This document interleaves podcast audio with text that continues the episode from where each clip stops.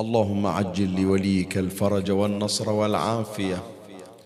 وانصره نصرا عزيزا وافتح له فتحا يسيرا وهب له من لدنك سلطانا نصيرا. رب اشرح لي صدري ويسر لي أمري واحلل عقدة من لساني يفقه قولي. يا كاشف الكرب عن وجه أخيه الحسين. اكشف كربي بجاه أخيك الحسين. نادي عليا مظهر العجائب تجده عونا لك في النوائب كل هم وغم سينجلي بولايتك يا علي. يا علي يا علي يا أبا الغوث أغثني. يا فارس الحجاز أدركني بلطفك الخفي ولا تهلكني. يا مولاتي يا فاطمة بنت محمد اغيثيني يا سيدي. صلى الله عليك يا سيدي ويا مولاي يا رسول الله.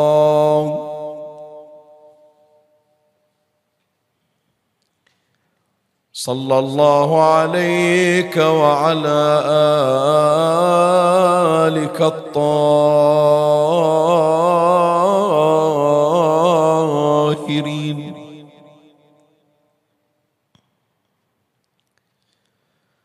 فاز من اعتصم بكم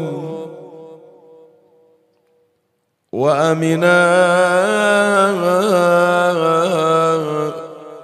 من لجأ إليكم.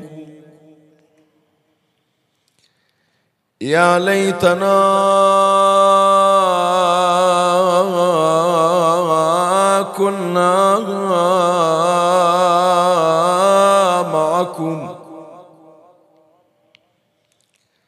فنفوز فوزا عظيما.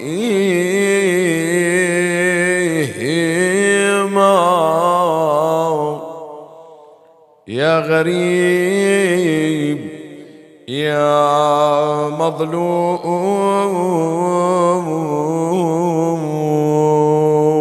كربلاء.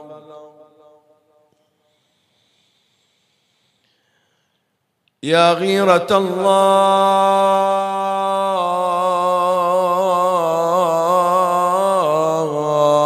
قلب الدين قطعها يا غيرة الله قلب الدين قلبه سم. يقطع للأحشاء ألوانا. وبضعة من رسول الله بضعها بالسم من بضع القرآن. طغي آيانا.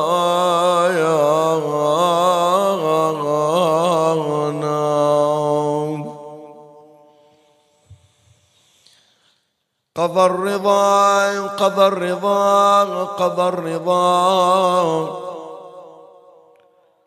قضى الرضا نحبه ظلما. فحين قضى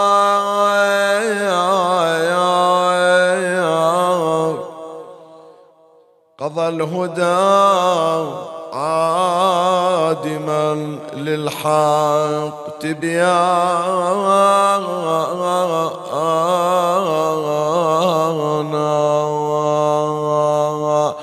قضى غريب خراسان بغصته. قضى غريب خراسان بغصته. نفس الفداء لغريب في خراسان فيا بني الحق حق أن يجرحكم. بالسم من بالسم من جرح المختار أجفانا ولا تهنوا برمان ولا عنبي فسموه شاب أعنابا ورمانا. على النبي عزيز على النبي عزيز والأئمة أن يروا سليل غمو بالسم وجعانا وعز أن تنظر الزهراء مهجته مضرومة بضرايا غام السم نيرانا.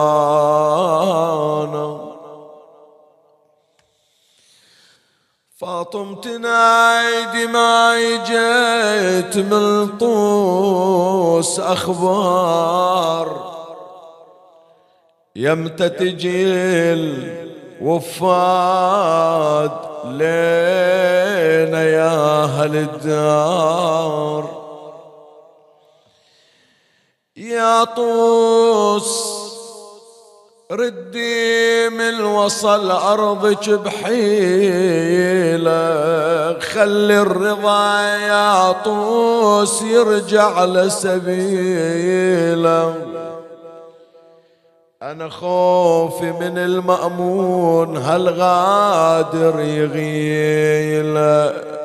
إيه أبدعي على اللي شتت أولادي بالأمصار.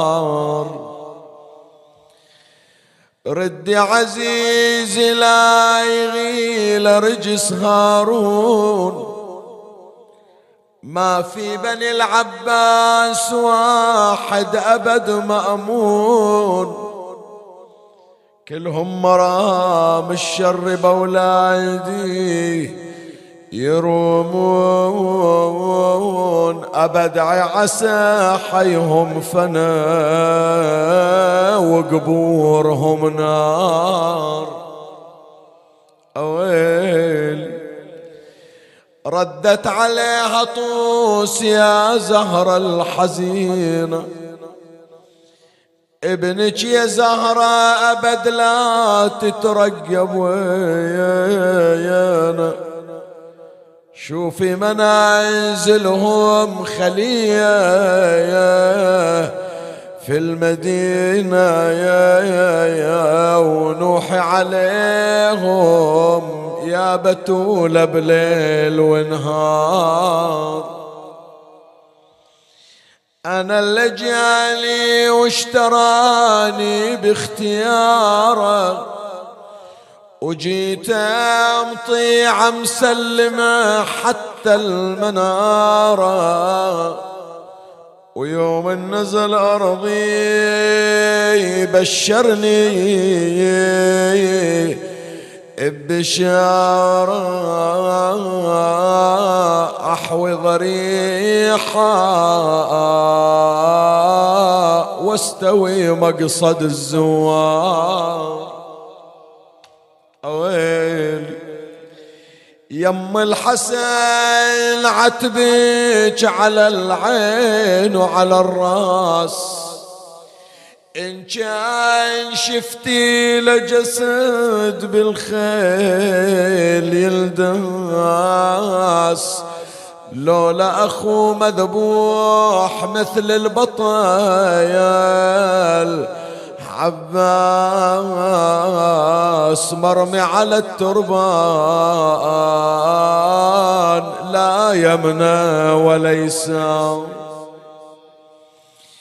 اتبي علي إن كان أمس غير مقبور. واللي بأراضي كربلاء ناموا بلا قبور. بليا دفن ما غير بس جنحان لطيور.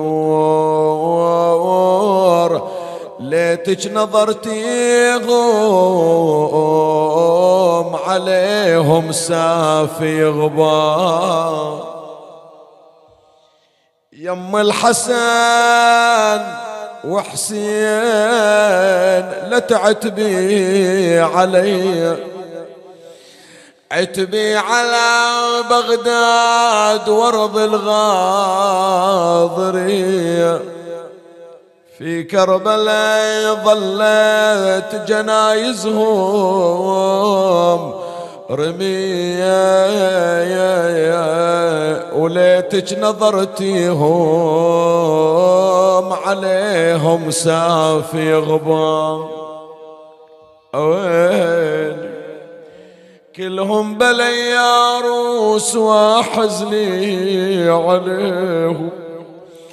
ما حد دل من الخلق صلى عليهم إلا طيور من السماء ظلل عليهم واجسادهم داست عليها العوجي الرضا صحيح فارق الحياة مسمو لكن المعصومة ما مرت على الرضا وشافته مقلوب على وجهه. لكن زينب مرت على الحسين فنظرت إليه جسدا بلا رأس. القلوب منقسمة إلى قسمين. هالأيام هذه قلوب متعطشة إلى مشهد وقلوب متعطشة إلى كربلاء. والقلوب اللي بمشهد تحن على كربلاء. وحتى القلوب اللي بكربلاء هم عينها على مشهد. خلى الليلة في هالمجلس نجمع بين الاثنين. هذا نعي مشهد جبناه نريد نعي كربلاء. الحنونة يوم مرت على أخوها صاحت. يا ابن أمي عاد تربان. عفتك رمية. يا ابن أم عتربال عفتك رمية. عيني العمى ولا أشوف ذيك المسيح. المعصومة ما ناحت بهالونة على الرضا. بس زينب ناحت بهالونة على الحسين. إيش قالت؟ يا ابن أمي خليناك على الغاب رعاري مغسل في دماك والجيف الجداري. روحي بقيت وياك والجيد مساري. أمشي ودير العين للغاضرية. أمشي ودير العين للغاضرية. يعني هذول الآن الزوار اللي رايحين إلى الحسين. هم يمشون وهم يرددون هالكلمة. شوف تحرق قلبك لولا.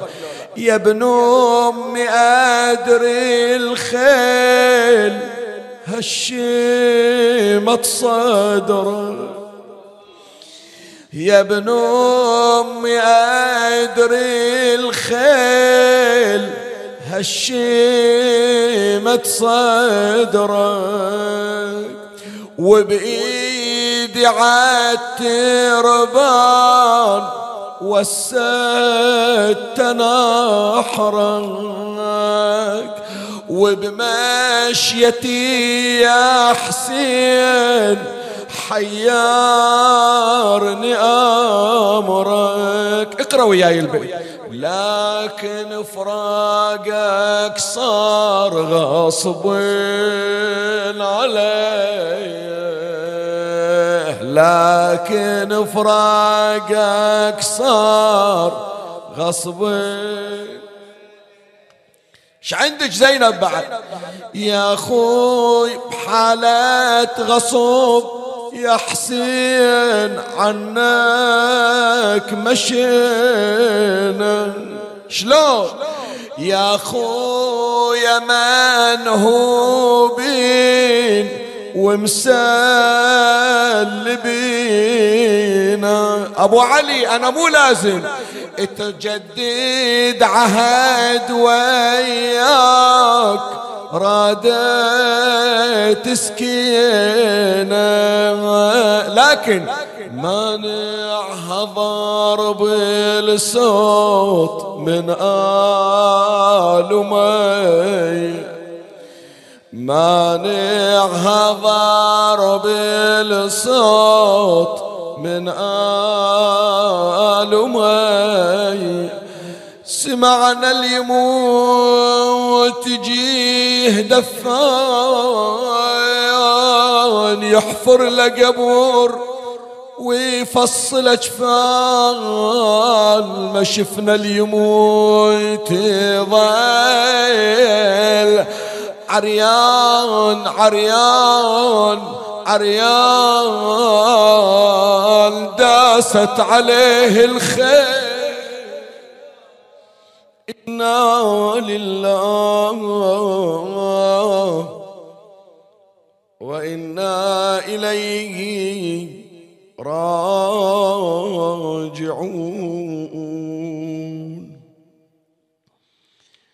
قال سيدنا وإمامنا باب الحوائج موسى بن جعفر الكاظم صلوات الله وسلامه عليه لعلي بن يقطين مولاه. يا علي هذا ابني سيد ولدي وقد نحلته كنيتي.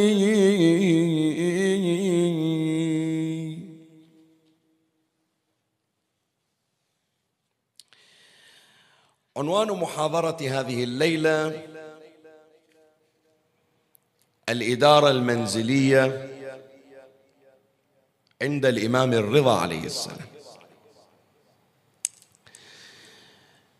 أقول للجميع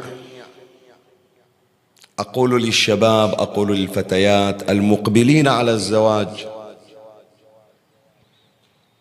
من السهل أن تبدو من السهل أن تبنوا منزلا. من السهل أن تكونوا أسرة. لعل هذا الأمر كان في وقت من الأوقات من الأمور الصعبة. كانت تقض مضاجع الكثيرين.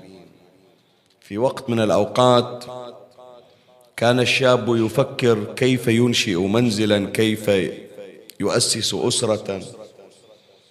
ويبقى هذا الحلم يراوده طيلة حياته. يتعذر عن إنجازه في كثير من الأحايين الآن في هذا الوقت لعلنا نسمع عن مشاريع زواج تأتي بسرعة البرق وأخاف أن أقول أنها تذهب أيضا بسرعة البرق. أنت من السهل أن تؤسس أسرة من السهل أن تؤسس بيتا. لكن الصعوبة أن تحافظ على هذا البيت. لكن الصعوبة أن تدير هذا المنزل الذي بنيته.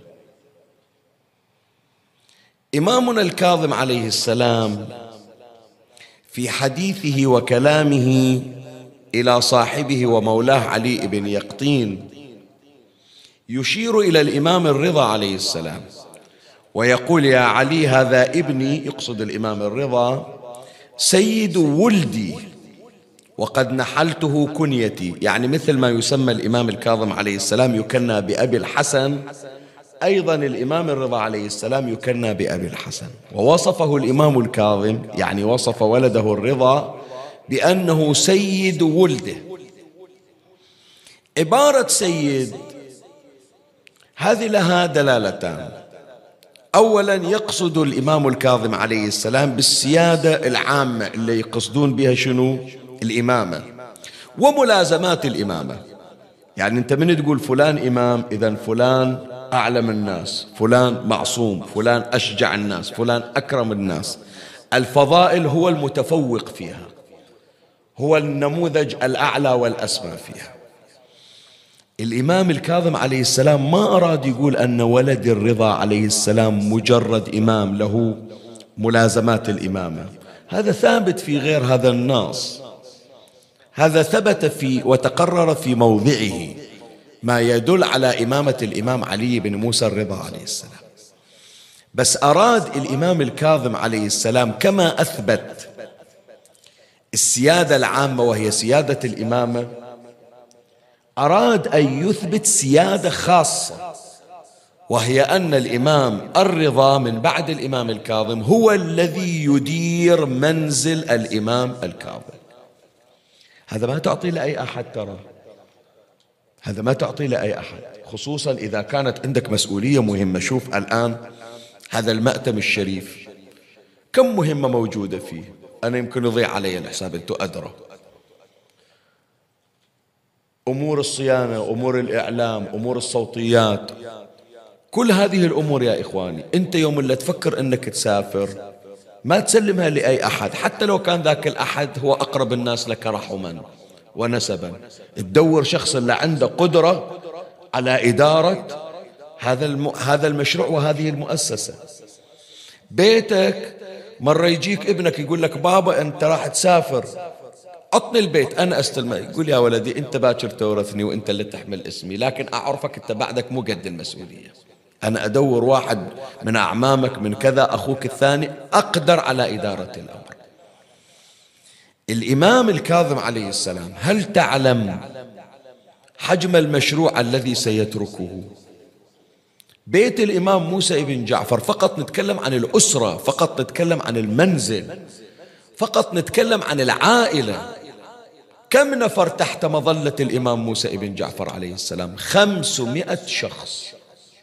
خمسمائة شخص. بين أولاد بعضهم يقول سبعة وثلاثين بعضهم يصعد العدد إلى أربعين بعضهم أوصلها إلى ستين من ذكور وإناث. بين زوجات بين جواري بين أرحام وأقارب تعرض أهلهم إلى التصفية الجسدية فانضموا. إلى بيت الإمام الكاظم. بين خدم بين عبيد بين موالي خمسمائة شخص. خمسمائة شخص مو شوية. خصوصا إذا كانت مهمة كمهمة إمام سلام الله عليه. هذا مو بنزل إلى أنا مبلغ في حسابه في البنفت برسله وبقول له تصرف. لا مهمة إمام هذا. فلهذا الإمام الكاظم عليه السلام في هذه العبارة إضافة إلى إثبات السيادة العامة وهي سيادة الإمامة أثبت أيضا سيادة خاصة للإمام الرضا عليه السلام. يقول أنا إلى علي بن يقطين يقول أنا إذا قتلت إذا فارقت الحياة مسموما الذي سيقوم بإدارة منزلي بما فيه هو ولدي علي الرضا. ولهذا قال إن ابني هذا سيد ولدي. ونحلته كنيتي يعني سوف يأخذ المهام الذي كنت متوليا وأعطاه الإمام من نقرأ في وصية الإمام الكاظم عليه السلام إلى ولده الإمام الرضا في هذا المضمار. أعطاه مجموعة من الصلاحيات. خلي أقرأ لك الصلاحيات إحنا بعدنا في طور التمهيد. بس حتى أبين لك أهمية الموضوع اللي راح أطرحه الليلة. شوف واحدة من مجموعة من الصلاحيات سلمها الإمام الكاظم عليه السلام إلى الإمام الرضا. قال له أنت راح تستلم دفة إدارة المنزل الأسرة العائلة وهذه تحتاج إلى صلاحيات. يمكن تحصل معارضة يمكن أكو بعضهم ما يقبل بس أنا راح أعطيك الضوء الأخضر وأعطيك صلاحيات تمارسها. شوف منها أعطاه تصرفه في الأموال والصدقات وجميع الممتلكات. لا حد يجي يقول ميراث حق لا. الإمام الرضا عنده مطلق الصلاحيات في التصرف في الأموال والصدقات وجميع الممتلكات. يعني بيبيع بيت بيخلي بيت بيتصرف في عقار بيخلي عقار. هي واحدة من الصلاحيات. الثانية الولي الشرعي على الموالي على الصبيان على الأولاد حتى على الكبار. من وليهم الإمام الرضا عليه السلام. الثالث من الصلاحيات متصرف في شؤون زوجات الإمام الكاظم. يعني يجي واحد من أولاد الإمام الكاظم عليه السلام إلى الإمام الرضا يقول له أنت ما إلك شغل ويا أمي. أنت إلك شغل ويا أمك تكتم. أنا أمي أنا موجود أنا أولى الناس بها. الإمام يقول له لا. عندي صلاحية من أبويا أني أنا متصرف في ما دام هي مرت أبويا أنا المتصرف. وأنا وليها. شايف؟ هي من ضمن الصلاحيات اللي أعطاها الإمام الكاظم للإمام الرضا. من ضمن الصلاحيات أيضا أنه متصرف في أخواته وأخوانه. يزوج من أراد بمن أراد. يعني واحدة من خوات الإمام بتقدم لها واحد. الإمام الرضا يقول لا ما تصلح إلى. أو فلانة راح أزوجها من فلان تقول ما أريد يقول لا. أنا متصرف عندي صلاحية من أبي الكاظم عليه السلام. هي من ضمن الصلاحيات. أن يزوج من من أراد بمن أراد. واحدة أيضا منها وهي الخامسة لا يحق لأي أحد من الأسرة الكاظمية أن يتصرف في أي شيء إلا بعد الرجوع ومشورة الإمام الرضا عليه السلام. حتى لو أحد يقول لا ما إلي علاقة. أنا أصلا ما أعتقد ما أعتقد بإمامة أخوي الرضا. الإمامة خلصت في عهد أبي الكاظم انتهت. يقول لا لا. أكو كتاب وأكو وصية وأكو عهد من الإمام الكاظم أن لا يجوز لأولاد الإمام موسى بن جعفر أن يتصرفوا في أي أمر إلا بعد مشورة أخيهم وهو الإمام الرضا. هذا مع العلم بأنه إمام. لكن لو واحد قال أنا ما أقبل إمامته وصية موجودة من الإمام الكاظم أن الذي يتولى شؤون المنزل الكاظمي الموسوي هو ولده الإمام الرضا عليه السلام. وعنده صلاحية قلنا بأن إثبات سيادة عامة وهي الإمامة وأيضا إثبات سيادة خاصة وهي إدارة المنزل كما كان الإمام الكاظم عليه السلام يديره. من بعد هذا التمهيد من بعد هذا العرض الموجز حديثنا هالليلة ونحن في رحاب الإمام الرضا عليه السلام. ونريد نستفيد بعض الأمور من حياة الإمام الرضا. راح نشوف شلون الإمام الرضا عليه السلام أدار المنزل. هل الذي أقول لك عنوان بحثنا الليلة شنو؟ الإدارة المنزلية عند الإمام الرضا. شلون كان الإمام يدير منزل أبيه؟ شلون كان الإمام يدير أسرة أبيه؟ صغارا كبارا إخوة أخوات عبيد أحرار وما إلى ذلك. بنمر عليها إن شاء الله في هذه الليلة سريعا.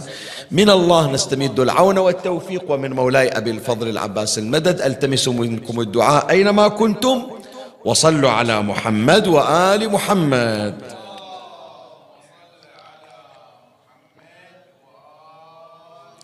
أول خطوة من خطوات الإمام الرضا عليه السلام في إدارة المنزل الموسوي. الإشراف على الالتزام الديني. شلون؟ هذا يا إخواني ما إحنا نجيبه مو فقط عرض سيرة. عرض السيرة جميل ونتعرف على سيرة إمامنا سلام الله عليه. لكن أريدك أنت إضافة إلى تعرفك على سيرة الإمام الرضا عليه السلام. أن تنتهج نهج الرضا. أن تقوم هذه الليلة بوضع خطة لإدارة منزلك كما كان الإمام الرضا عليه السلام يدير منزل أبي. شوف واحدة منها الإشراف على الالتزام الديني في الأعم الأغلب عندنا إحنا عادة ناخذ أولادنا وهم صغار نعلمهم على الصلاة نعلمهم على مجموعة من الأحكام الشرعية. وفي الأعم الأغلب الآن موجود الذي يتصدى إلى هذا الأمر من هو يتصدى إلى مجموعة من مشاريع التي تعنى بجانب التكليف. مو تمام إحنا عشنا في فترة كان يمكن ما ملتفت الآب أو ما ملتفت الأم أو ما ملتفت العائلة. نفسهم مجموعة من المؤمنين جزاهم الله خير الجزاء يسألون منو الأولاد اللي في هالعمر في سن التكليف؟ تسع سنين عشر سنين اثنى عشر سنة الآن على خطى التكليف الشرعي.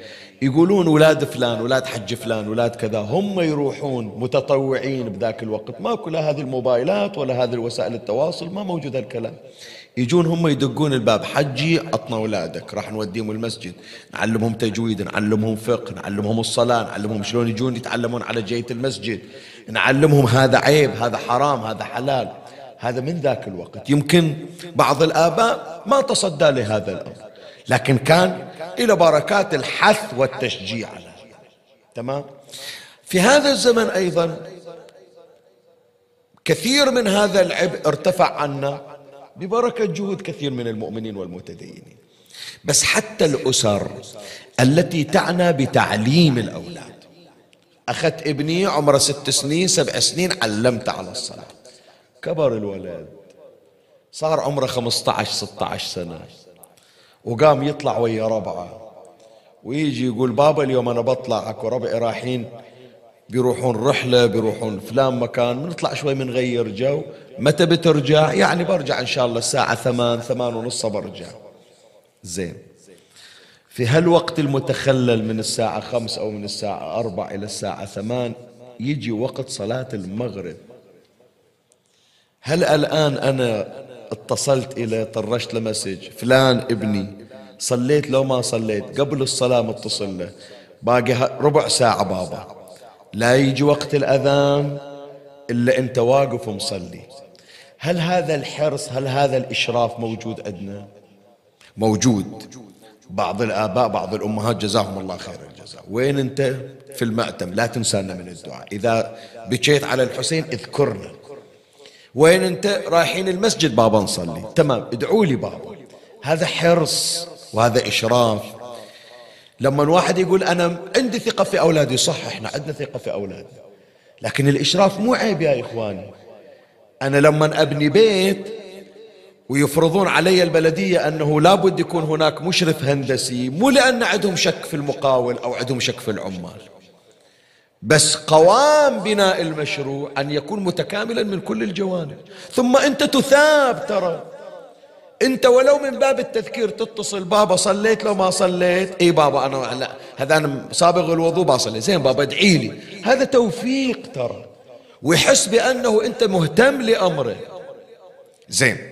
إذا أنت أسألك هذا السؤال حتى الآن أبتدئ في بيان هذا الفصل. من ضمن خطوات الإمام الرضا عليه السلام في إدارة المنزل الموسوي. أنت عندك ثقة بأولادك وبناتك عليك بألف عافية. وإن شاء الله يقرون عينك. هل تشك لوهلة بأن الإمام موسى ابن جعفر يشك في بناته وفي أولاده؟ يصير عندك هذا الشك؟ تقدر تتجرأ وتقول بأن الإمام الرضا ما عنده ثقة في أخت فاطمة المعصومة عليه السلام أنها تترك صلاة الليل؟ أو لا تصلي في أول الوقت معاذ الله.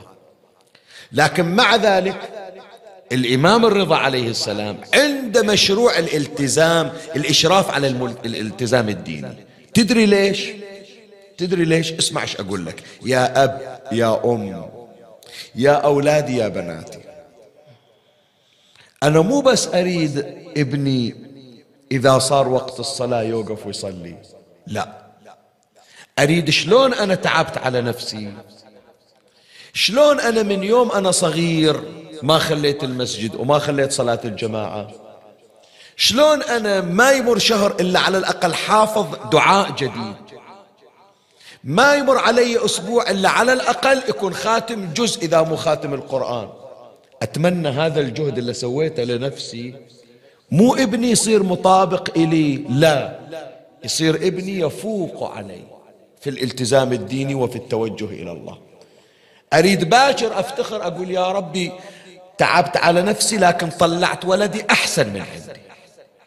هو هذا. وفي ذلك فليتنافس المتنافسون. الإمام الرضا عليه السلام ترى لفظ كان يهتم بس والله أولادنا يقومون يصلون. لا. يقول شلون أبونا موسى بن جعفر؟ اسمع حط بالك للكلمة. وين ما قاعدين أولادي وبناتي حطوا بالكم. الليلة أحاول أجيب لكم معلومات؟ يمكن بعض المعلومات جديدة أول مرة البعض يسمع. الإمام الرضا عليه السلام يقول شلون أبونا معروف بأنه حليف السجدة الطويلة وصاحب الدموع الغزيرة. يقول ما أريد هالخمسة وخمسين سنة اللي قضاها أبويا موسى ابن جعفر خلاص طويناها في كتاب وعلقناها على الرف. لا أريد أخو أولاد موسى ابن جعفر أريد بنات موسى ابن جعفر أريد عائلة موسى ابن جعفر يصير عليهم ختم وطابع موسى ابن جعفر. بحيث وين ما راحوا يمثلون الإمام الكاظم. ولهذا هذا طار حنا أنا قبل محرم إذا ترجعون إلى المحاضرات المرفوعة على اليوتيوب عندي محاضرة خاصة ببعض من أولاد موسى ابن جعفر عليه السلام الأولاد والبنات. رجعوا نموذج موسى ابن جعفر وين ما راحوا. الليلة أنا أجيب شاهد يمكن ما جايب لنا قبل في مجالس سابقة ذاكر عن أولاد الإمام ذاكر عن بنات الإمام. لكن أذكر لك عين من الذين صنعهم الإمام الرضا عليه السلام حينما أشرف على الالتزام الديني. لأسرته.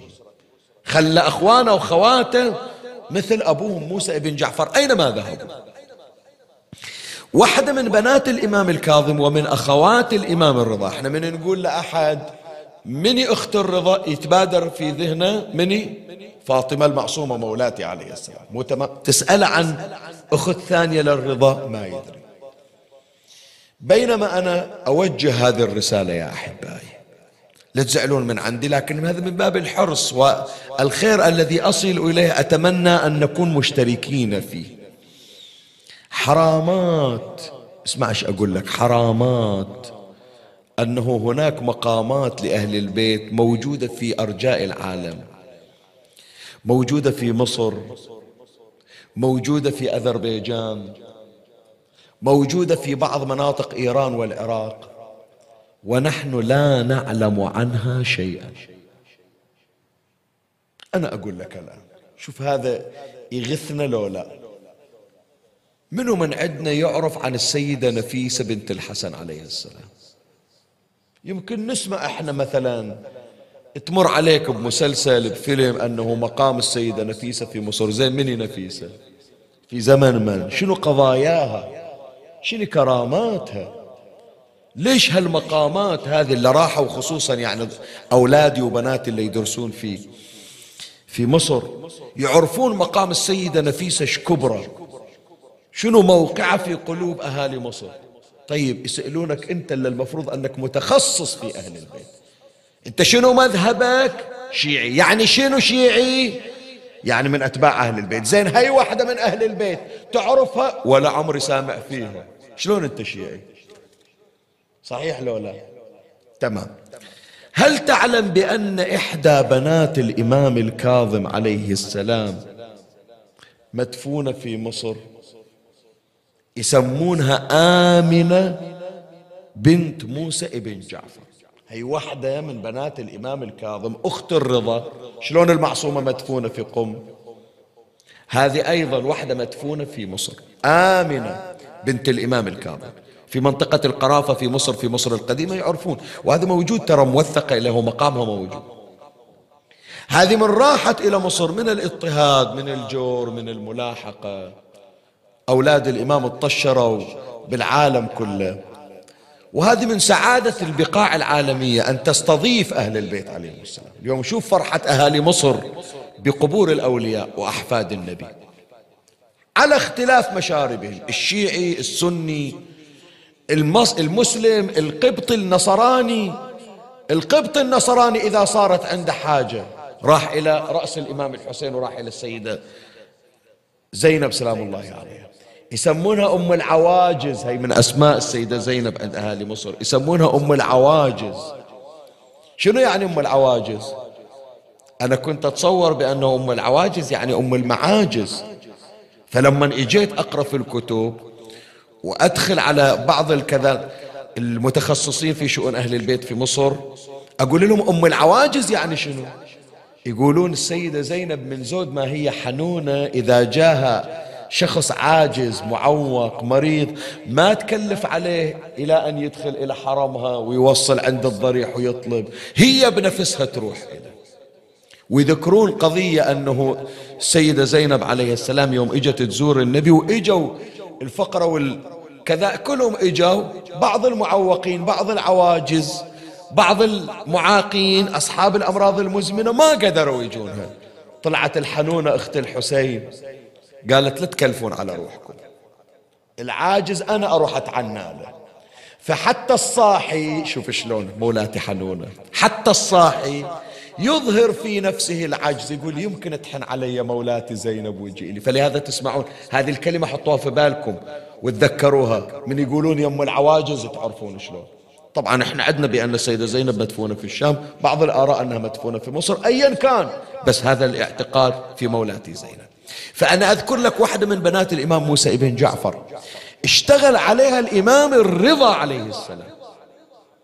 ويوم راحت إلى مصر من الاضطهاد أعادت إلى أهل مصر أمجاد موسى بن جعفر الكاظم. فلهذا من يقولون منو آمنة؟ يقولون هذه بنت موسى ابن جعفر صاحب السجدة الطويلة وحليف الدمعة الغزيرة وأذكر لك قضية من قضاياها. هذه من يجون في ترجمة السيدة آمنة بنت الإمام موسى بن جعفر عليه السلام. عليه وعليه السلام يذكرون عادة هالقضية. يقولون يوم من الأيام هذا الكلام قديم يعني تقريبا ما أدري خمسمائة سنة قبل أقل أكثر ما أدري بالضبط. بس كلام قديم. إجا واحد من أهالي مصر إلى قيم ضريح سيدتي آمنة بنت الإمام موسى بن جعفر. حط بالك للقضية اللي راح أذكرها وصلي على محمد وآل محمد.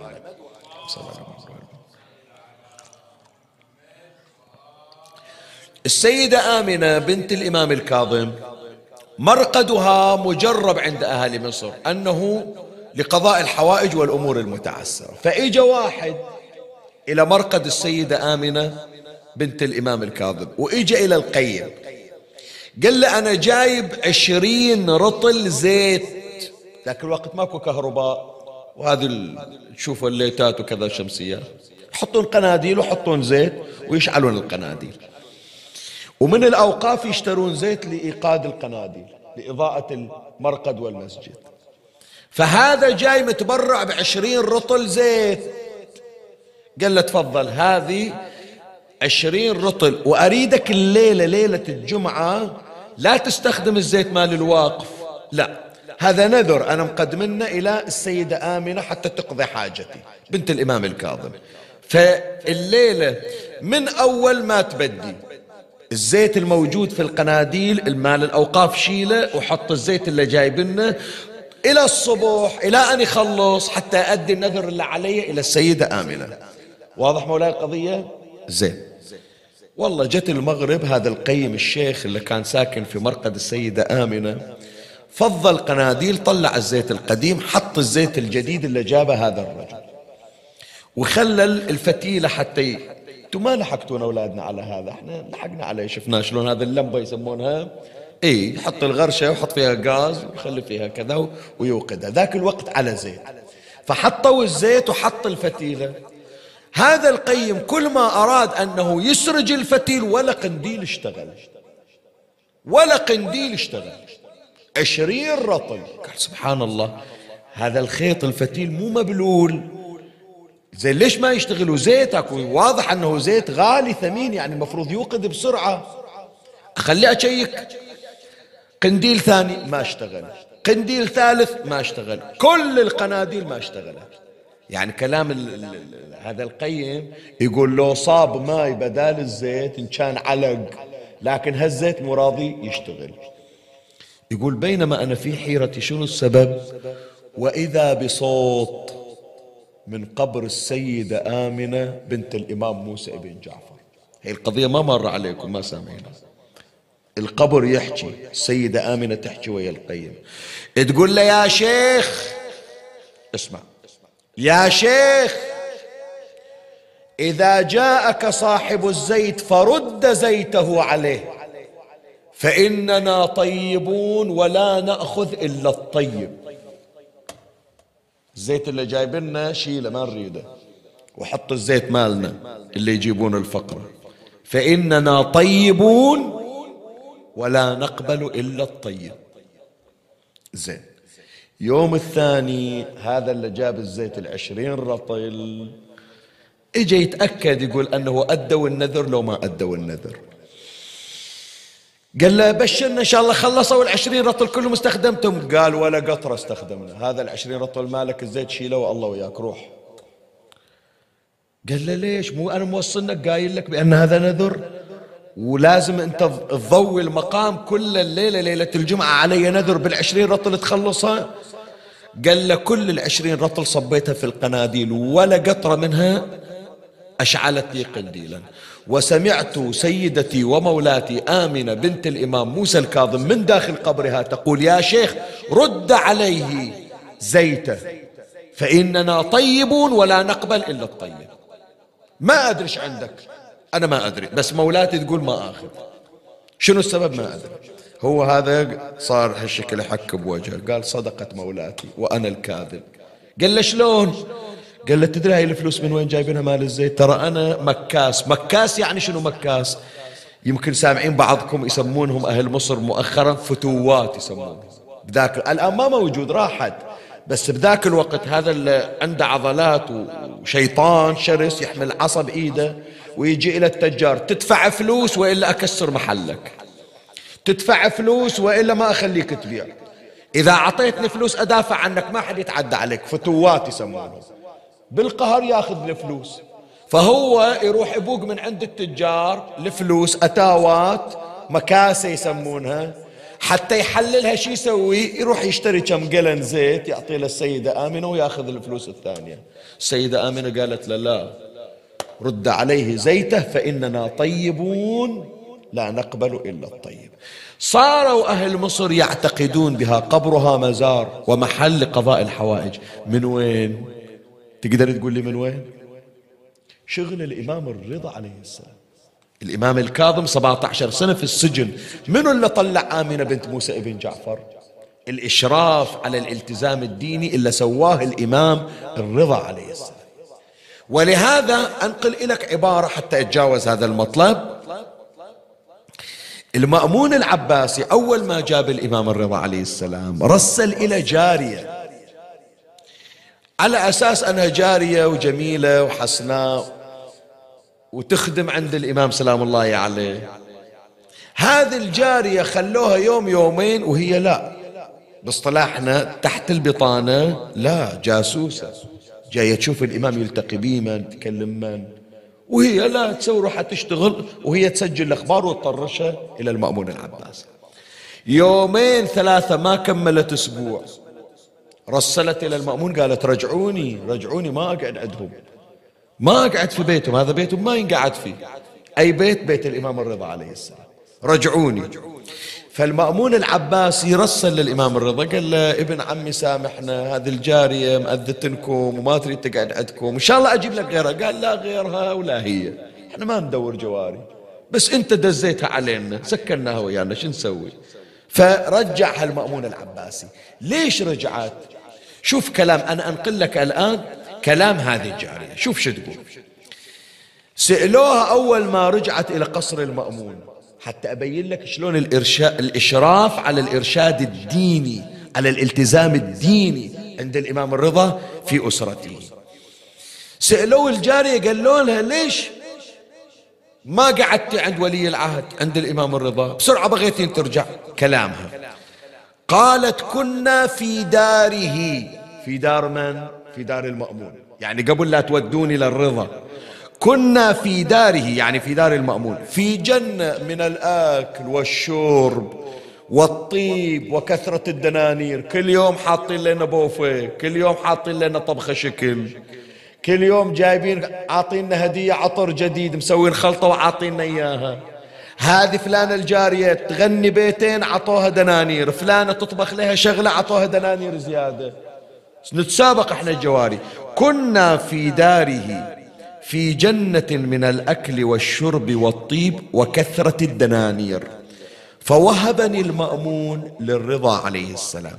فلما صرت في داره في دار منه الإمام الرضا عليه السلام. يعني طلعت من عند المأمون راحت للرضا.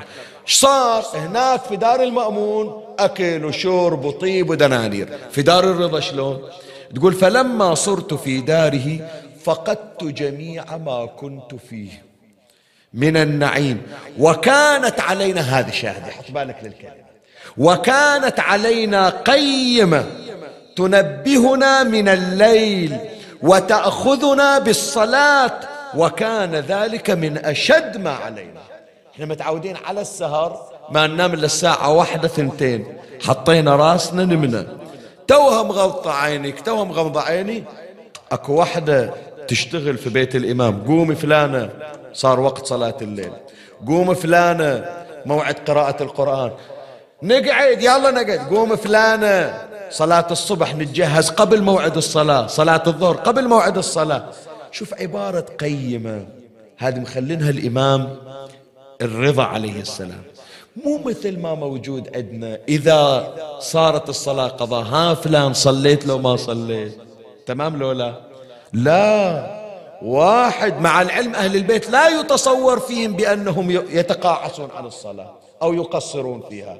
بس يقول لك هذا من الإشراف على الالتزام الديني. وإلا شلون أطلع أنا أسرة عليها ختم موسى ابن جعفر؟ سلام الله عليه. فإذا واحد من خطوات الإمام سلام الله عليه في إدارة المنزل شنو هو؟ الإشراف على الالتزام الديني طيب الخطوة الثانية من خطوات الإمام الرضا عليه السلام شوية هذه ديروا بالكم إلي شغل فيها أنا لأنها فعلا حساسة وكثير من الرسائل والاتصالات تتناول هذا الجانب. زين الإمام بس علمهم الصلاة والصيام وبس. شغل الإمام بس صلاة وصيام وقرأ قرآن وانتهت. لا. واحدة من خطوات الإمام الرضا عليه السلام الإشراف على الحاجات النفسية. شلون؟ حط بالك. شوف عمي انت تشتغل أفضل شغلة وانت تفتح لك مشاريع ويا الشغلة اللي تشتغلها. ويهمك بأن أولادك يلبسون أحسن لباس. ويهمك أولادك ياخذون بإيدهم أفضل موبايل. وما ترضى عن نفسك أن ابنك يدرس في المدرسة الحكومية. تريد تخليه في مدرسة خاصة. ليش؟ والله حتى ابني من يجي يحكي إنجليزي ما يتعطل يعرف شلون يتعامل في الحياة. اليوم الدنيا إنجليزي. مو تمام؟ لكن ترى أنا أقول لك شيء. قبل لا تفكر في القرص اللي يشبع بطن ولدك. فكر في الحاجة النفسية لولدك. شلون؟ أنا أقول لك أنت أولادك الله يخليهم ويحفظهم. فيهم أبو العشرين سنة وفيهم اللي توه داخل سن المراهقة عمره 14 سنة وفيهم الطفل اللي عمره ست سنين. وكل واحد من ذولا إلهم مشاعر خاصة. إلهم أحاسيس خاصة. من نقعد في مجلس من نقعد في ديوانية أنا أبو البيت ويا ربعي. ويجي ولد الصغير أبو سبع سنين ثمان سنين وأهينه قدام الناس. وأتصور مثل ما كان في أذهان البعض حتى يستوي رجال. يستوي رجال؟ أي رجال يستوي؟ حتى لو الرجال مو يطلع رجال ذكورة. شوف شلون البعض صاروا مهزوزين. شوف إيش قد من بناتنا دخلوا في موجة اكتئاب. موجود هذا الكلام عندنا لولا أنتوا الآن يا جماعة إحنا قاعدين ويا كم نفر في المجلس. زين؟ بس أنتوا في بيوتكم قولوا لي هذه الحالات موجودة لولا موجود عندنا بنات من ترجع من المدرسة قاعدة بغرفتها وسادة على روح الباب وما تريد تقعد ويا خواتها وما تريد تقعد الخوات الأكبر من عندها. ليش؟ لأنها ما حد يحترمها ولا أحد يقدر مشاعرها. ودخلت في موجة في صدمة نفسية والسبب كلمة يوم انكسرت قدام نسوان. أو هذا الولد انكسر قدام رجال. صرخ عليه أبوه في مأتم صرخ عليه أبوه في مسجد صرخ عليه أبوه في محل وسبب إلى شرخ في نفسه صاحبه إلى أن كبر. ما أدري هذه الآن مرت عليكم عرضوها أساتذتي الخطباء وإخواني الأعزاء لولا بس قولوا لي هالمش... هالمشكلة موجودة لولا كم عندنا الآن أشخاص كبروا واشتغلوا وتزوجوا وبنوا بيوت وعندهم أولاد لكن من يقعد في المأتم أو يقعد في المسجد أو في مجلس يستحي يتكلم عن لا واحد يفشله؟ إلى الآن يتذكر صدمة يوم هو صغير. موجود عندنا ناس لولا شو تقول أبو محمد؟ موجود لولا موجود عندنا ناس يوم طلع لهم بيت في مدن سكنية أو يوم بنى إلى بيت من أول ما سكن قال لا تروحون إلى جيرانكم ولا تدقون عليهم الباب على يزعلون يستحي حاكي جاره مثل الطفل وهو شوارب بوجهه. ومن تجي تفتش شنو السبب؟ السبب أنه من يوم هو صغير خلوه مهزوز الشخصية. صار لا يقدر يحكي ويا مرته صار لا يقدر يحكي ويا أولاده صار حتى لو بيروح يطلب بمية فلس خبز يستحي يقول للهندي أطني خمس خمسة قروش ما يعرف شلون يتكلم. والسبب؟ أنه ما حد نظر إلى احتياجاته النفسية.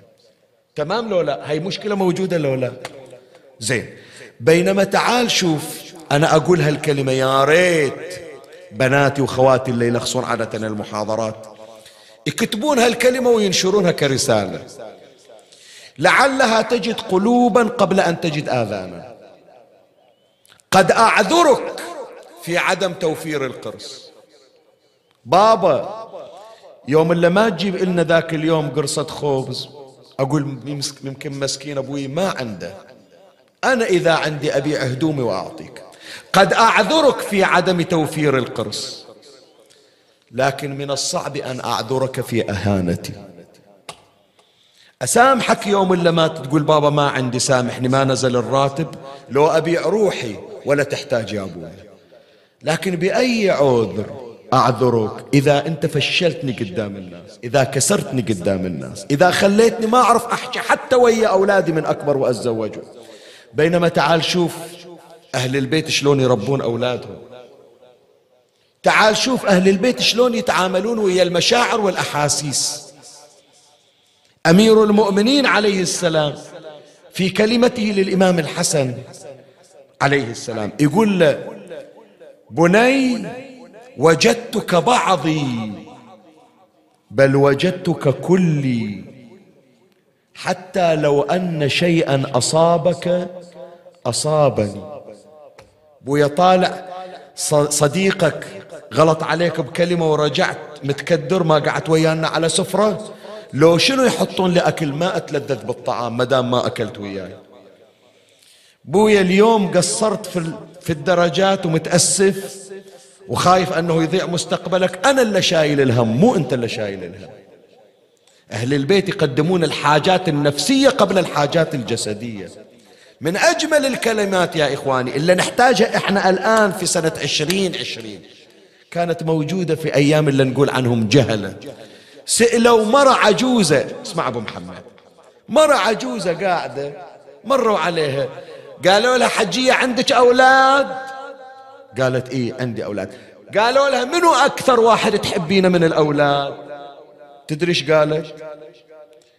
قالت مريضهم حتى يشفى.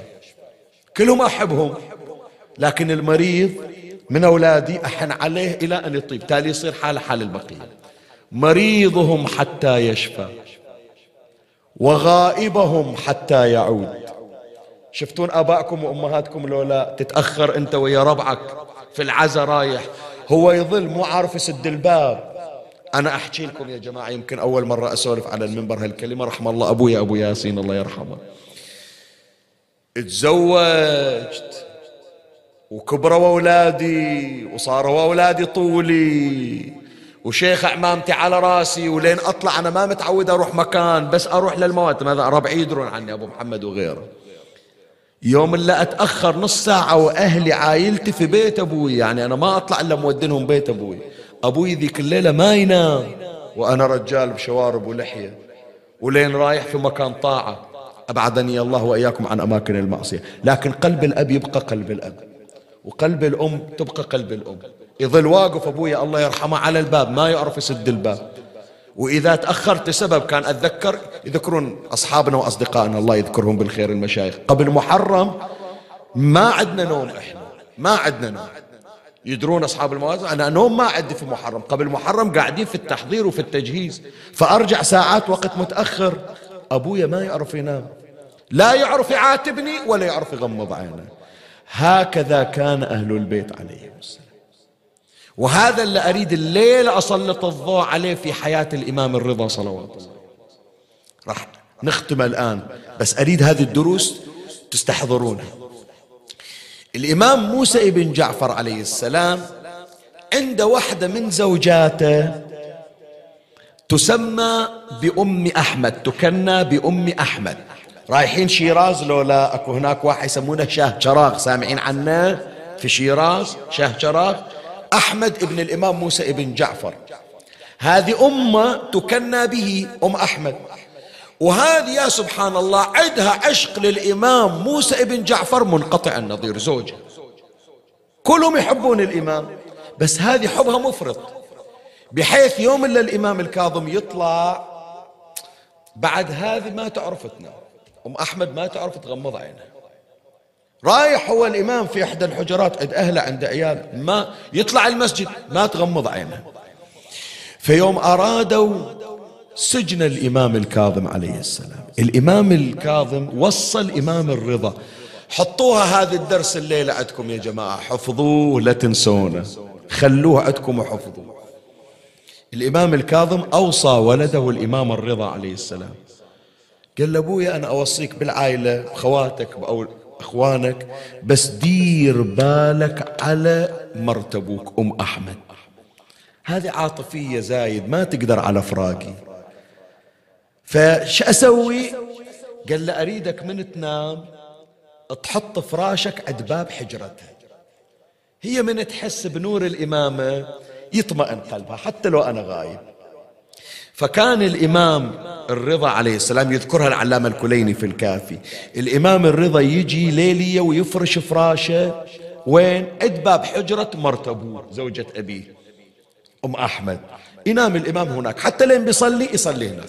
هي من تسمع صوت الإمام يقرأ قرآن يصلي. زي تطمئن تقول ما يخالف. حتى لو راح الأبو الولد موجود. نور الإمامة موجود. ذاك اليوم الإمام الرضا عليه السلام غاب. هي ما سمعت صوته قالت يمكن راح إلى أهله عائلته خلي أروح أتفقده فطلعت. ما جاكم الإمام الرضا اليوم؟ قالوا لها لا مو عندك؟ قالت لا مو عندي. وثلاثة أيام الإمام الرضا غائب. بعد لا نامت لا أكل لا راحة لا كذا. تقول الولد الأبو راح والولد راح وياه. شوية وإذا الإمام الرضا رجع والتراب على رأسه وعلى لحيته وعلى بدنه. قال لها يمه قالت هاي يمه وينك؟ قال الوصايا اللي أعطاك إياها أبوي تسلميها. ليش بني؟ قال عظم الله لك الأجر. قالت مات سيدي. صارت تدق على راسه ذيك الساعة سلمت أمرها إلى الله عز وجل. الإمام حول فراشه من عند باب. بس أربع سنين نومة الإمام الرضا. وين؟ عند باب حجرة زوجة أبيه أم أحمد. مع العلم تزوج وعنده عائلة وعنده أخوان وأخوات. هي الليلة يا إخواني يا أخواتي يا أبنائي يا بناتي يا آباء يا أمهات احفظوها في سيرة الإمام الرضا. الحفاظ على المشاعر. ما قال والله ما علي من عندها. صلاة الليلة أبدأ منها. أقرأ قرآن أحسن منها. ولما لا يوم ولا اثنين؟ لا. الحفاظ على المشاعر. كل كسر ينجبر. أبو محمد كل كسر ينجبر. إلا كسر الخواطر. طوف انباط أروح أجيب مقاول يحطه ويمسح عليه. تمام لو لا؟ ساعة انكسرت المينة مالها رحت للوكالة بدلوا قلبي لين انكسر شي جبرة؟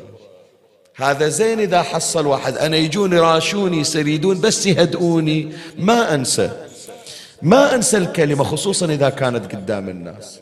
وهذا كبير أبو أربعين سنة ما ينسى كلمة. تمام لولا كم واحد كم علاقات انفصمت والسبب كلمة تسببت بكسر خاطر وبإسقاط شخصية. وإحنا كبار.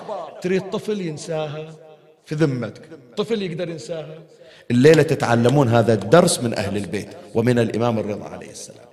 فإذا الخطوة الثانية من خطوات الإمام الرضا عليه السلام في إدارة المنزل الإشراف على الحاجات النفسية. الثالث راح نختم الآن بسرعة حتى نتجاوز لأنه أخذنا أكثر من الوقت المتاح. احتواء الطاقات. أنت الله عاطنك بنت مثل الوردة تعشق القراءة والمطالعة. عندها اهتمام بالأمور الأدبية عندها اهتمام بالأمور الثقافية. ما أجي أنا أحبطها وأقتل هذه الموهبة من عندها. لا بل أشجعها. شيخنا ما أعرف أنا ما ندارس هالحكي ما أعرف لا لا وظيفتك تعرف. أشوف تعرف تجيب من وين أحسن أكل. أشوف تعرف من ريت تريد تشتري سمك تدور على أكثر من بسطة وهذه طرية وهي مو طرية. تمام لولا من باب أولى أيضا هذه الموهبة اللي عند بنتك وعند ابنك تكون تدير بالك عليها أكثر. لأن هذه الموهبة نعمة من نعم الله عليك. ينبغي عليك أن تحافظ عليها. هذا درس خلنا نشوفه في حياة أهل البيت. كيف يثمنون المواهب؟ كيف يثمنون الطاقات؟ كيف ينمونها؟ راح أجيب لك نموذجين. نموذج في حياة الإمام الحسين عليه السلام. ونموذج في حياة الإمام علي بن موسى الرضا عليه السلام. الإمام الحسين بنت سكينة. سكينة بنت الحسين فداء لشسع علي مولاتي للتراب الواقع من قدمها. تدري قد متعلقة بالله عز وجل؟ شوف الإمام الحسين عليه السلام شلون يتعامل ويا بنت سكينة. إجا ابن عمها الحسن ابن الحسن يريد خطبة سكينة بنت الحسين. الإمام الحسين يقول له لا أنا أخطب لك بنتي الثانية فاطمة. بنت فاطمة تشبه جدتها فاطمة الزهراء. ولا تختلف عن الحور العين يعني ما أعطيك واحدة من بشر أعطيك حورية من الجنة.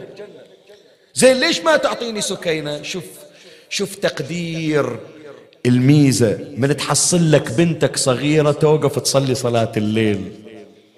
من تجي ليلة الجمعة أنا مشغول أطالع أي مسلسل أطالع أي فيلم. وإذا بنتي خلصت دعاء كميل وخلصت ثوبت أنا ما رحت أزور قبر أبوي وهي راحت قرت جزء إلى إلى جدها عند القبر ورجعت. هي وقفت تصلي قبل لا أنا أوقف. هذه موهبة. واشكر الله عليها على تنحرم من عندها لئن شكرتم لأزيدنكم. شوف الحسين إمام معصوم لكن بماذا يصف ابنته سكينة يقول وأما ابنتي سكينة فإنها قد استغرقت في الله. يقول هي واحدة مالت الله. ولهذا هذا المقطع يا إخواني اللي نقراه كل المقاتل كل الخطباء في الشرق والغرب يذكرون هذا لا تأخذون بس الجانب المأساوي فيه. شوفوه كدرس تربوي. الحسين عليه السلام يوم العاشر من راد يطلع يودع. كل النساء بما فيهم مولاتي زينب. كلهم طلعوا لوداع الحسين. والحسين مستعجل عنده جهاد. لو لا تقول لزينب إن ابنتك سكينة في الخيمة. ما قدرت تطلع. ما قال والله خلاص مو لازم. أنا الجهاد أولى من بنتي. هذه أول مرة أقولها ما قايلينها بحياتي. أول مرة أقولها هني. سجلوها علي في مأتم كربابات. شو تقولون يا جماعة؟ أيهما أولى؟ جهاد الحسين لو جبر خاطر سكينة. إحنا نقول الجهاد. لو لا؟ لأنه فرع من فروع الدين. لكن يقول إذا كان الدين يبنى على عدم جبر الخواطر شو الدين هذا؟ الدين دين قلوب. قبل لا يكون دين سيوف. واضحة؟ يحتاج أعيدها الدين دين القلوب. يراعي القلب والمشاعر. فلهذا الحسين أخر خروجه إلى المعركة. وإجا سوى وداع خاص إلى بنت سكينة سيطول بعدي. يا سكينة فاعلمي منك البكاء إذا الحمام دهاني. شوف العبارة الجميلة. بعد هي طفلة صغيرة لكن يقول بابا أنت باكر أنت اللي بتحملين اسمي. فإذا قتلت فأنت أولى بالذي تأتينه يا شنو؟ يا خيرة نسواني. زين بعدها طفلة. بس يقول بابا أنا أشوفك انت شلون مرة باكر بتحملين اسمي يقولون هي بنت الحسين. لاحظ مولاي الكريم لو لا؟ شوف ثمن الحسين ولاءها وإيمانها. تعال هذا اللي تقراه يوم عاشر الليلة الليلة. الليلة شهادة الإمام الرضا. من أخت الرضا المميزة؟ فاطمة المعصومة تمام لولا الحديث عن الإمام الرضا عليه السلام يقول من زار المعصوم بقم كمن زارني. شي يريد يحصل من مشهد؟ ضمان الجنة. إن شاء الله تسمعون المحاضرة مالت البارحة السلسلة التي ابتدأتها في مجلس الدعيسي. حول الشؤون الرضوية وذاكر البارحة عن المقام الرضوي وشنو معنى ضمانة الجنة؟ وأسرار زيارة الإمام سلام الله عليه. يعني. شوفوا إخواني شو تحصل من عند الرضا؟ يقول بس حتى الموهبة اللي عند أختي فاطمة المعصومة لا تندثر ولا الناس تغفلها لأني موجود. لا تتم زيارة الرضا إلا بزيارة المعصومة. ومن أراد شيئا فتعذر عليه الوصول إلى مشهد لزيارة الرضا فليأخذه من أخته فاطمة في أرض قم. من زار فاطمة المعصومة بقم كمن زارني. هذا الحديث اللي تشوفه كل ما يجي ربع سطر نص سطر تدري شو يحتوي؟ واحدة منها بين فضل زيارتها أن لها ما لأخيها رايحين زايرينها أنتم لو لا إيش مكتوب على الضريح؟ إيش مكتوب على الباب؟ يا فاطمة اشفعي لي بالجنة فإن لك عند الله شأنا من الشأن. بعد ما بين بس الفضل؟ لا. حط شيء ثاني احترم اخته قدام الناس. ما قال فاطمة من زار فاطمة كمن زارني لا. قال أرفق قدرها هاي وحدة تعبت على روحها. من زار فاطمة المعصومة ولهذا أنت من تسميها فاطمة المعصومة من وين جايبين هاللقب؟ يقولون هذا هذه تسمية سماها بها أخوها الإمام الرضا عليه السلام. فإذا الخطوة الثالثة احتواء الطاقات. بعد أريد أختم حديثنا. الخطوة الرابعة أنت جنابك هذه الكلمة حطها ببالك الليلة. كل الناس تشوف بأن أزمة كوفيد 19 كورونا بلاء نازل. مو تمام لو لا؟ شو تقولون يا جماعة؟ البلاء فيه خير لو ما فيه خير؟ شو تقول أبو محمد؟ في خير لو ما في خير. هالأزمة اللي مرينا فيها فيها خير لو ما فيها خير. أنا أقول لك من الخير الموجود من الخير الموجود سابقا من تجي الوفاة من يجي محرم الأم شالت روحها وراحت الماتم. الأبو شال روحه وراح الماتم. الولد شال روحه وراح المضيف. الطفل راح يمشي في الموكب. ما ندري منو صاح منو ما صاح. عدل لا ما ندري أمنا في الماتم شلون تصيح شلون تبكي. ما أدري ولدي توجه في المجلس لو ما توجه. لكن شوف من جت هالأزمة وصار معظم الفعاليات عبر البث الافتراضي مثل ما حضراتكم الآن. من يصيحون؟ على الحسين الأم والأب والأولاد والبنات والصغار كلهم يشتركون في البكاء. هذه خطوة جميلة لولا. الولد اللي كان يستحي قبل يصيح قدام أبوه الآن سوينا بيوتنا مواتم وصارت المشاعر مشتركة. هذه خطوة حسنة لو مو خطوة حسنة. باكر أنا من أريد أصلي أوقف ويا أولادي وأصلي. من أريد أصيح كلنا نصيح بكاء جماعي على الحسين. من يجي يوم الغدير من يجي هذا جاينا قريبا إن شاء الله مولد النبي. كلنا نفرح من أجل نبينا محمد صلى الله عليه وآله. اللهم صل على محمد وآله. فأهل البيت عليهم السلام عندهم مشاعر مشتركة. هي من خطوات الإمام الرضا. يقول أنا من أفرح ليش أقعد في الحجرة وأفرح بروحي؟ أو أنا ويا مرتي أولادي ما يدرون. لا خلها تصير سعادة جماعية. خلها تصير فرحة جماعية. فإذا أكو مشاعر مشاعر مشتركة بين الجميع. قلت لك راح أختم هذا الحديث المقدار كافي. كان عندي خطوة خامسة بس خلاص الوقت تداركني أريد أختم الحديث وأنا أعتذر على الإطالة بس إن شاء الله قدرنا نوصل رسالة. شوف من ضمن ما يذكر في مصائب الإمام الرضا عليه السلام ما حد سواها ترى. ما حد سواها. أقول لك كلمة يمكن أول مرة تسمعها. ما أدري تقبلها لولا حتى جد الحسين ما سواها حتى جد الحسين. مع عظمة مصاب الحسين ما سواها زينب مولاتي يوم رادت تبكي على الحسين قبل لا يطلع. قال يا أخي بحقي عليك. لا تشقي علي جيبا. ولا تلطمي وجهه ولا تدعين بالويل والثبور تمام لولا جدي خير مني. أبي خير أمي خير زينب لا تبكي. شيخ التستري رضوان الله على روحه الطاهر. في كتابه فوائد المشاهد يقول ليلة العاشر ما راد واحدة من العلويات دمعة تنزل من على خدها. طلب من الهاشميين طلب من الأنص من أولاده من إخوانه قال كلكم تعالوا قعدوا خلوا النسوان والأطفال يقعدون ويانا.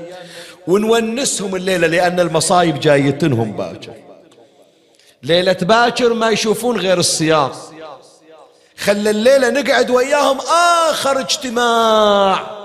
وقال هذا آخر الاجتماع. فخلى آخر وداع يكون لحظة فرحة وياهم لحظة أنس وياهم. هذا عند الحسين في كربلاء. تدري الإمام الرضا يوم راد يطلع من المدينة إيش سوى؟ جمع النساء جمع الأطفال.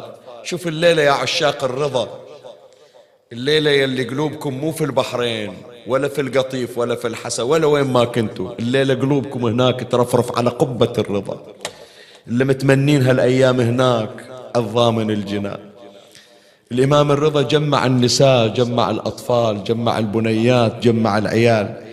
قال تعالوا أولادي تعالوا أهلي تعالوا عائلتي قعدوا كلكم. أنا رايح إلى بلد بعيد يسمونه خراسان. وإذا رحت هناك ما عندي واحد من أهلي. في يوم اللي أموت لا راح أشوف فاتحة ولا راح أشوف واحد يبكي علي. الله يفرج عنا ويشافيه ومن عليه بالصحة والعافية أستاذي سيد جاسم الطوير جاوي ادعوا له الليلة. إن شاء الله نسمع باكر بشارة بشفائه. عند من ضمن أبيات اللي رثاها يقول ترى وحش الجنازة تصير إذا ما حد بكى عليها إي والله أعيده من عيوني. ترى وحش الجنازة تصير إذا ما حد بكى عليها شوف مهما كان عزيزك غالي بس يوم اللي تشوف كل الناس إجوا من الشرق والغرب يبكون عليه يبردون قلبك بس يكسر خاطرك إذا شالوا نعش ما حصلت واحد يبكي عليه الإمام الرضا يقول ترى باموت غريب ما عندي أحد. ما حد يبكي علي فأريد أشوف فاتحتي في حياتي. وين سمعتون يا جماعة عن فاتحة إلى واحد ما مات قبل ثلاث سنين؟ سمعتوا في الدنيا واحد حط فاتحة على روحه قبل ثلاث سنين؟ سواها الرضا. ولهذا هذا مسك الختام اسمع.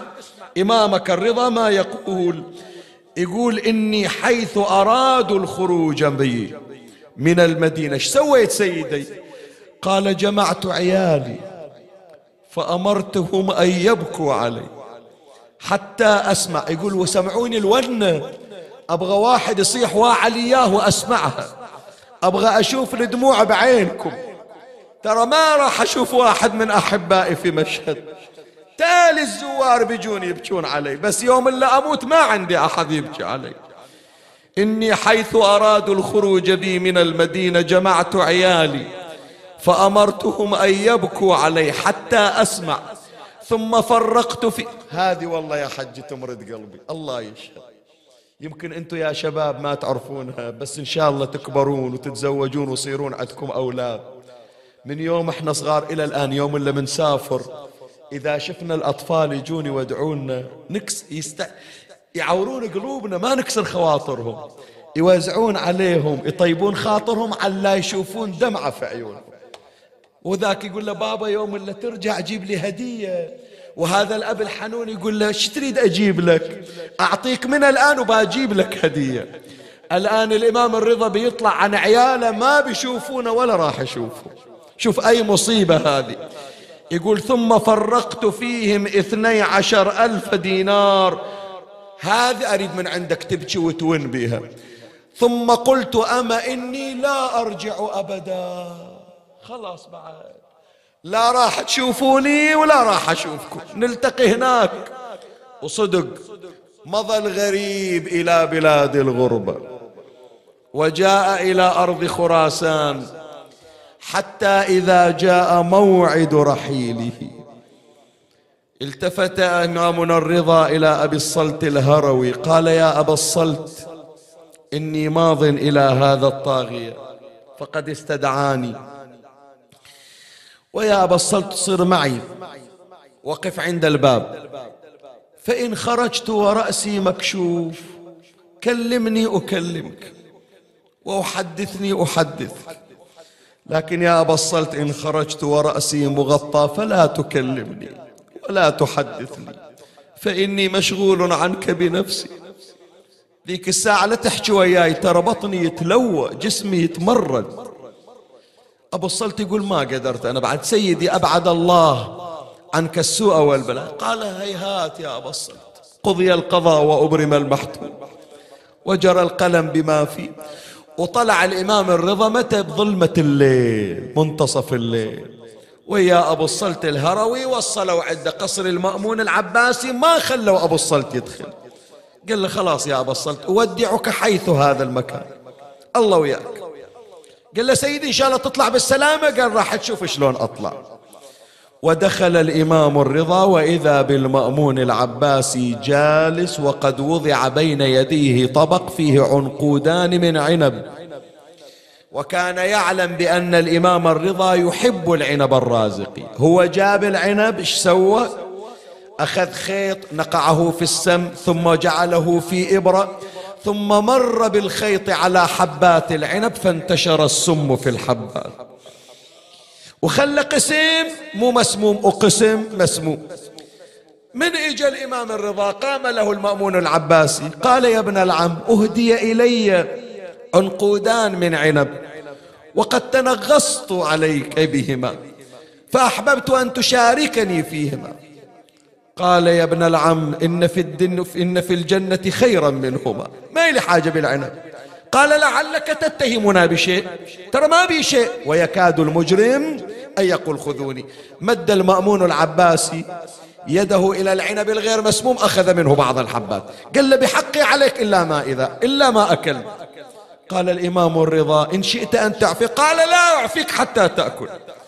فحينها قال إمامنا الرضا لا حول ولا قوة إلا بالله العلي العظيم. إنا لله وإنا إليه راجعون. ثم مد الإمام الرضا يده إلى العنب المسموم وأخذ منه بعضا من الحبات. أين عشاق الرضا؟ أين عشاق زيارة الرضا ضامن الجنان؟ الآن يبين حبك وولائك إليه فتناول بعضا من الحبات فنزلت إلى جوفه كالسكاكين تقطع في أحشائه. قام الإمام من موضعه المأمون العباسي التفت إلى قال له إلى أين يا ابن العم؟ قال إلى الوجه الذي وجهتني إليه. بلغت مرادك شو تريد تسوي أكثر بعد؟ أحشائي تقطعت من هالحبتين اللي أكلتهم أبو الصلت الهروي واقف على الباب شايل إيده إلى السماء يقول إن شاء الله الإمام يطلع وجهه مكشوف مو مغطنا أنا قاعد أنتظر الآن هاللحظة الحاسمة. اللي تبين الإمام مصاب أو سليم. يقول أبو الصلت وبينما أنا واقف وإذا بالباب قد انفتح وإذا بالإمام قد خرج وهو واضع يديه على بطنه إجيت إلى أريد أحكي وياه. شال الإمام عبايته خلاها على رأسه يعني لا تحكي ترى ما أقدر أحكي وياه. وأشار إلي أن أمرر تقدم أنا وراك أمشي. أبو الصلت الهروي يقول أنا تقدمت والإمام من خلفي بس يقول أحسست بشيء مو طبيعي. خلي أشوف إيش صاير وراي. الإمام يمشي لو واقف. يا غيارة يا أهل العاطفة والولاية.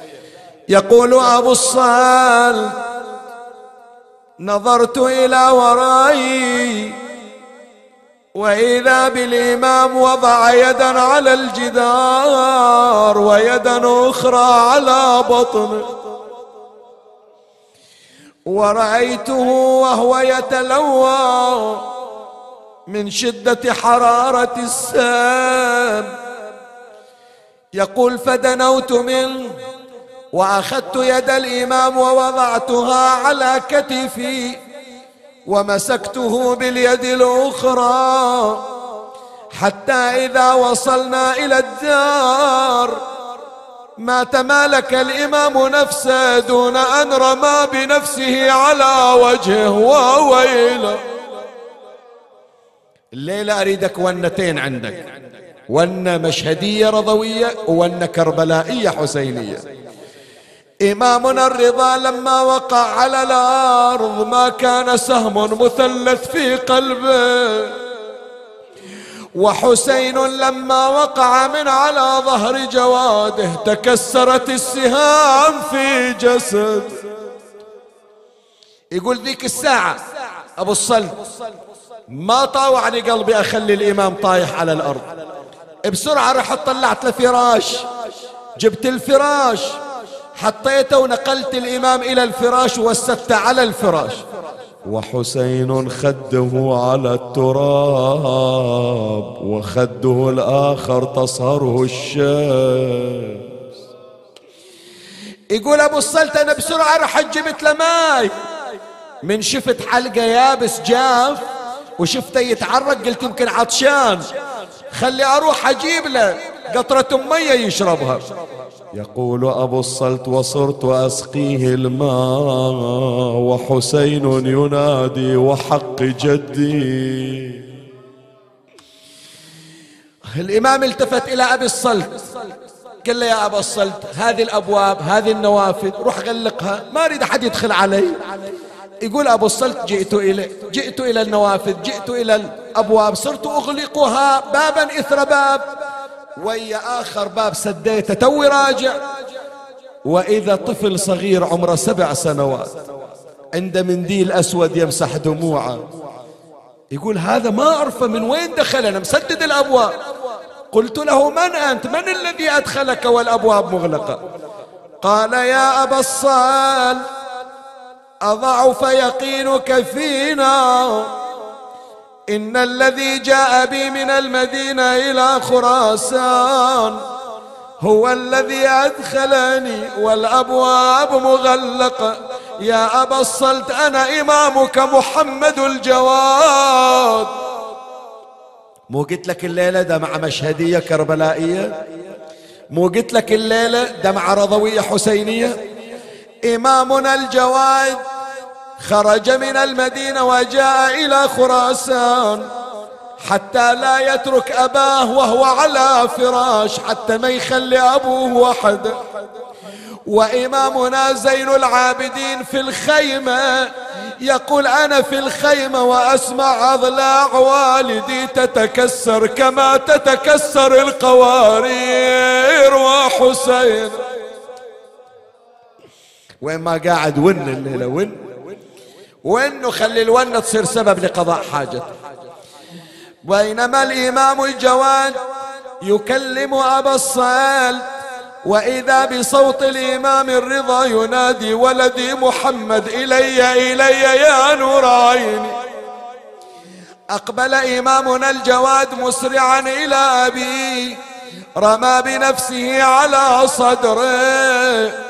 صار يقبله على جبينه على خده في فمه. والإمام والرضا يضم ولده إلى صدره هذه أريد صيحة من عندك سمعت زهرة صوتك. لكن إمامنا زين العابدين لما جاء إلى أبي بعد ثلاثة أيام يريد يقبل مثل ما الجواد قبل الرضا. ما حصل مكان يقبله إلا على فتحة نحر الحسين. يا حسين يا أبا عبد الله عميت عين لا تبكي عليكما. يا حسين ويا علي. ثم لما ودعا وأوصاه بكل وصايا قال بني محمد وجهني إلى جهة القبلة وجهه إلى جهة القبلة والإمام قد ضعف وصار جسده يلتحل من شدة ولوغ السم في بدنه وعند احتضار الموت أخذ إمامنا يقرأ القرآن حتى صار صوته يتقطع وعندها مد رجليه وأسبل يديه وغمض عينيه وشع النور من غرته وأطبق فاه وفاضت روحه الشريف. أين الصارخ وإماما أين المنادي وعلي؟ إحنا ويا من نحكي؟ ويا من نحكي؟ الغريب اللي ما عنده أحد يريدون منه أول تحضر. أمة أمة الحنونة لكن يا زهرة قومي هاليوم يا المحزونة شوفي عزيزك مرمي والسم غير لونه ما مات منهم ميت في الدنيا موت عيونا إلا بسم هذا مرمي ولا حد شاله صدق والله الزهرة هالأيام مو في المدينة طلعت طلعت. عندها هم وفاة الرضا بمشهد وهم الأربعينية بكربلاء فاطمة وين نحصلك مولاتي؟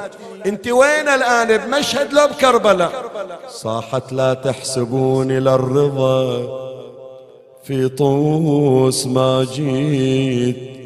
ولا إلى بغداد ما رحت. تعنيت كلهم عليهم نوحت والجيب. شقيت. تحفظ البيت لولا. وكل المصايب هونتها مصيبة حسين. ملا عطية شلون جاب هالخيال ما أدري. كان الزهرة تحكي ويا خراسان. تقول هالغريب هذا جزاه من عندك يا خراسان؟ هالغريب اللي اجى بالكرامات والبركات والمعاجز تاليها الجازينة تدسين إلى السم وموت ما عنده أحد فكأنما حوار بين خراسان وبين الزهرة. ولي ولي يا طوس ضميت المفاخر والفضايل. وبحفرتك علم الأواخر والأوايل صرت لبدر المصطفى تالي المنازل. برجك نحس غيب قمرنا ورجل أكوان. قالت بابن موسى الفخر كله جمعته وغصبا علي ابن الرجس قطع مهجته. زهره لكن بلا تجهيز جسمه ما تركته. أنا ما روعت قلبه ولا تحير له حصان. تحكي عن منو؟ صبط الرسول بكربلة تحير حصانه. آمر بتطنيب الخبا والزم مكانه. وبالغاضرية ذبحت جملة أخوانا سبعة وعشرة من بني هاشم وعدنان. فاطمة شرايف ولا أسرجت له خيل وأعلى. ولا سيف بي ينسل ولا شرعت سله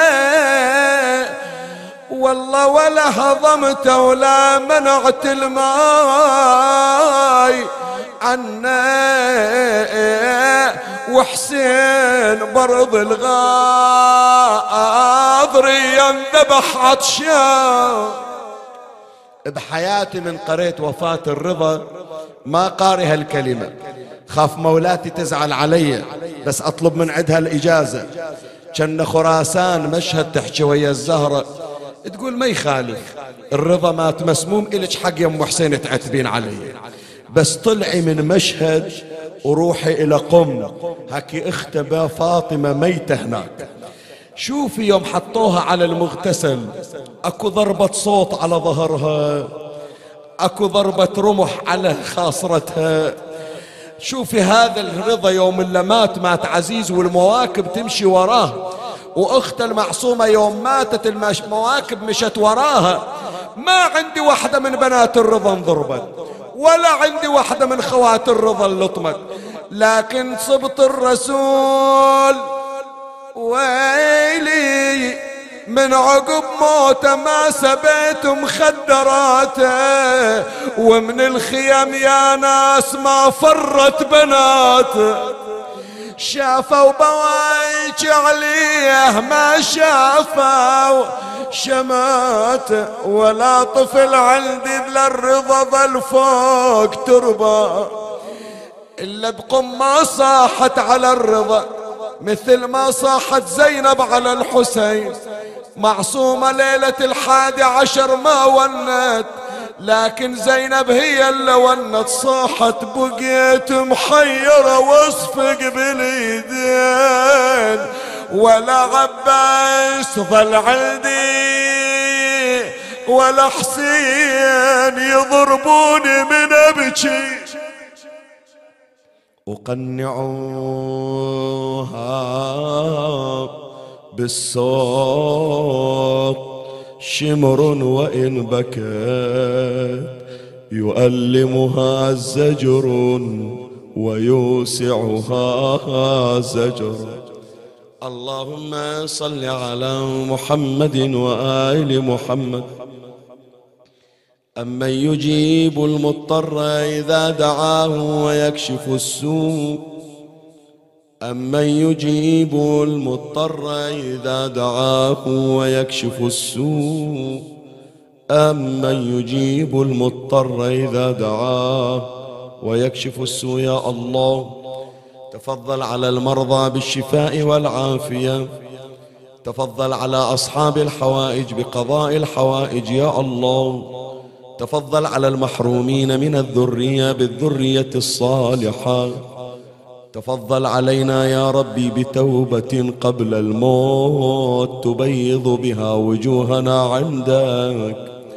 ترحم على أمواتي وأموات الباذلين وأموات المسلمين جميعا سيما من لا يذكره ذاكر يا رب العالمين.